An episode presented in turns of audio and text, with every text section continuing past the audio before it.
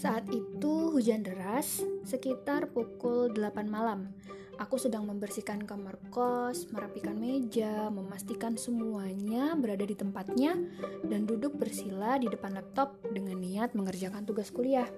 Gak lupa seduhan kopi instan dan snack sebagai pendamping untuk mood booster kata anak sekarang, supaya pikiran fresh. Walau kadang habis duluan sebelum tugasnya dikerjakan. Rupanya ketika membuka file Explorer, mataku tertuju pada suatu file berhuruf caps lock bertuliskan foto. Hmm, bolehlah mengintip sebentar aja. Agaknya sudah berbulan-bulan sejak terakhir kali berkunjung ke file itu. Benar aja, meski menjadi pelaku dari setiap lembaran foto yang berjumlah lebih dari 10 folder itu, hampir setiap membuka file foto, hampir tidak pernah terlewat kalimat, "Oh, ternyata dulu aku begini." Wah, ternyata aku pernah melakukan itu. Rintik hujan yang semakin deras menghanyutkanku semakin dalam.